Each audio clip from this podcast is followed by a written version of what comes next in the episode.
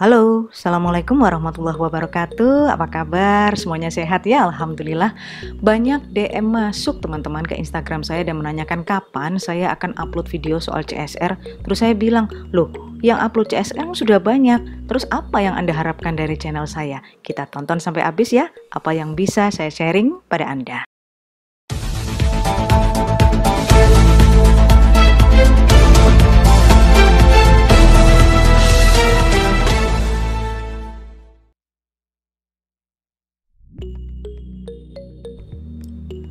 Iya, di video saya ini saya tidak akan mengulas tentang bagaimana CSR itu dan karena sudah banyak sekali definisi yang bisa kita temukan di internet terkait dengan CSR. Yang perlu saya sampaikan adalah bahwa CSR itu sebenarnya intinya itu dia komitmen. Jadi komitmen yang harus dilaksanakan oleh perusahaan untuk menjaga apa? Menjaga keberadaannya atau eksistensinya dan e, biasanya program-program CSR itu di-create untuk mengetahui feedback atau masukan perusahaan e, dari lingkungan sekitarnya atau masyarakat sekitarnya yang menjadi stakeholder e, perusahaan itu. Pemerintah juga teman-teman juga dengan telah tegas ya mewajibkan setiap perusahaan untuk Eh, melaksanakan tanggung jawab sosial perusahaan atau CSR ini dan juga sekaligus meregulasi aktivitas CSR ke dalam undang-undang resmi ya. Jadi undang-undang resmi serta peraturan lainnya. Nah, karena itu teman-teman sudah menjadi kewajiban perusahaan untuk apa? Untuk mengimplementasikan kebijakan tersebut melalui program CSR atau uh, yang merupakan akronim dari Corporate Social Responsibility. Perusahaan itu bisa memberikan kontribusi terhadap pengembangan komunitas sekitar wilayah operasional. Misalnya dengan cara gini, eh, perusahaan itu memberikan pengetahuan khusus, keterampilan khusus, pendidikan dan pelatihan, atau bisa juga memberikan teknologi untuk melakukan pengembangan sumber daya manusia dan difusi teknologi. Dari sekian banyak uh, definisi CSR, saya lebih uh, prefer atau lebih menyukai definisi sederhana yang disampaikan Blowfield dan Frenes tahun 2005. Jadi mereka itu mengibaratkan CSR itu sebagai sebuah payung. Jadi payung di sini bukan payung dalam arti sebenarnya ya, payung yang melindungi kita dari panas teriknya matahari atau payung yang melindungi kita dari hujan.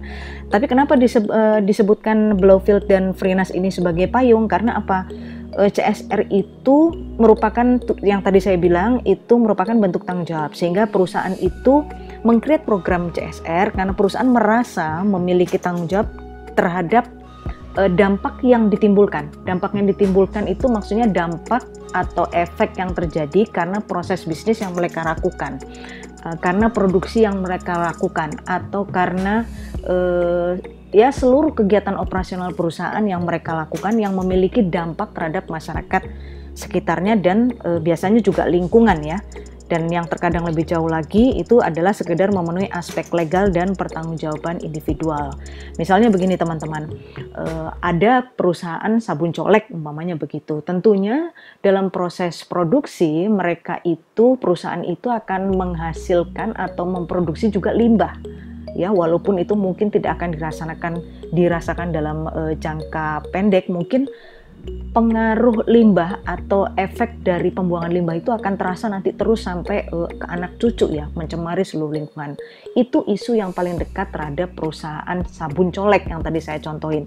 Nah, karenanya mereka sebaiknya perusahaan itu mengkreat suatu program yang uh, mendekati isu lingkungan yang bisa meminimalisir risiko yang ditimbulkan. Risiko yang ditimbulkan ini adalah apa? Krisis reputasi uh, apabila kemudian lingkungan itu menjadi tercemar akibat proses produksi yang mereka lakukan. Ingat teman-teman bahwa ciri khas program CSR adalah program-program yang di-create uh, dalam unsur sustainability atau keberlangsungan. Jadi kalau program itu hanya sesaat itu bukan program CSR tapi itu adalah eh, apa namanya seperti bakti sosial dan lain-lain. Tapi kalau kita bicara CSR dalam konteks CSR sebenarnya itu adalah program-program yang di-create yang dalam jangka panjang itu masih memberikan manfaat terhadap eh, pihak-pihak yang dikasih program. Misalnya begini, eh, dari perusahaan sabun colek tadi bisa juga mereka mengcreate program tentang uh, apa ya namanya pelatihan pengolahan limbah misalnya seperti itu atau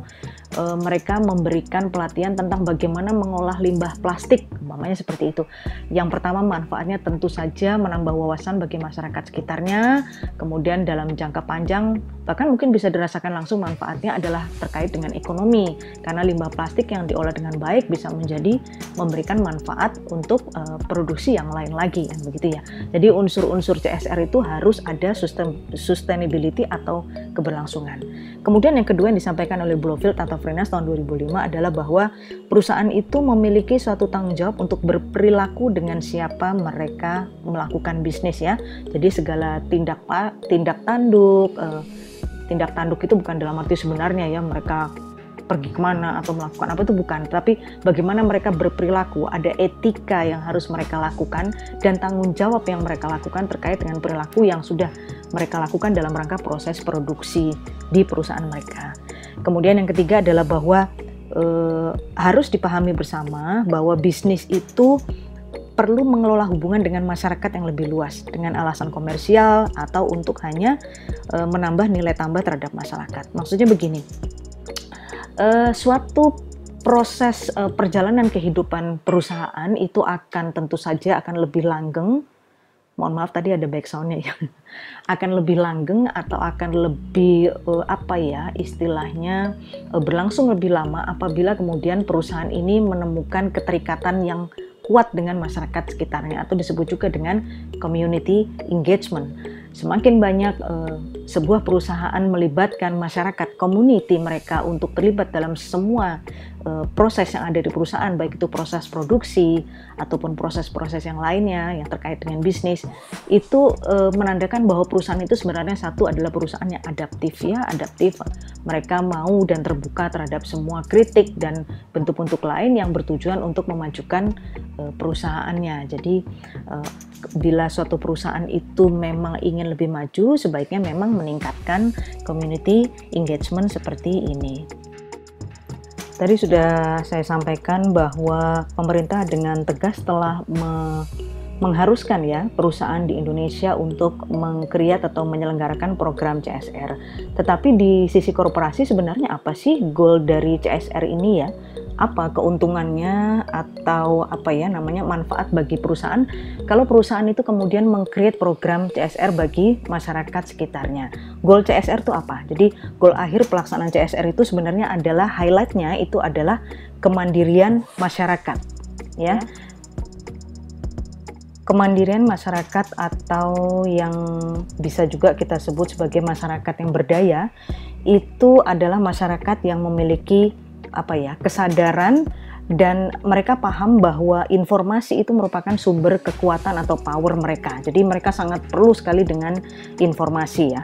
Kemudian masyarakat itu ketika sudah mengetahui bahwa informasi itu merupakan sumber kekuatan atau power mereka, mereka kemudian menggunakan informasi itu untuk mengambil keputusan, kemudian juga apa ya ber, bertindak dan menyampaikan pendapat-pendapat secara kritis uh, sebagai upaya untuk memperbaiki keadaan dan juga untuk biasanya mereka kritis itu untuk mengatasi masalah mereka sendiri.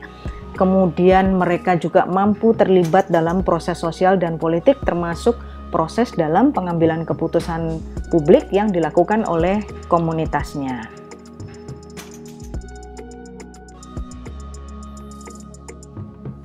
Nah, ini dia nih.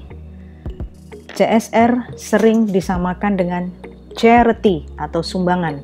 Padahal harusnya CSR itu adalah program yang sustainability dan acceptability ya.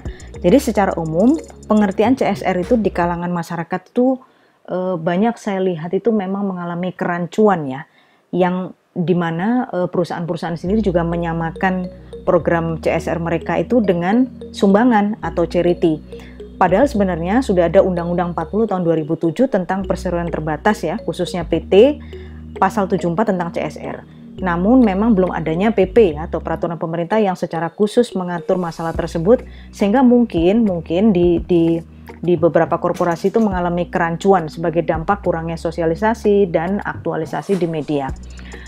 Apa bedanya CSR dengan e, bantuan sosial? Kalau kita ngasih sembako itu berarti bantuan sosial karena e, pemberian sembako itu hanya menyelesaikan masalah saat itu juga. Misalnya mohon maaf masalah eh, kekurangan pangan atau ada kendala atau masalah ekonomi terkait dengan PHK sehingga tidak bisa membeli bahan kebutuhan pokok untuk makan. Tapi kalau kita bicara CSR, kita tidak bisa hanya memberikan sembako, tapi yang kita pikirkan adalah bagaimana kemudian masyarakat itu bisa teredukasi dengan baik dan mengambil manfaat CSR sebesar-besarnya melalui apa? program-program yang memang diperuntukkan bagi jangka panjang dan memberi manfaat bagi mereka itu secara jangka panjang.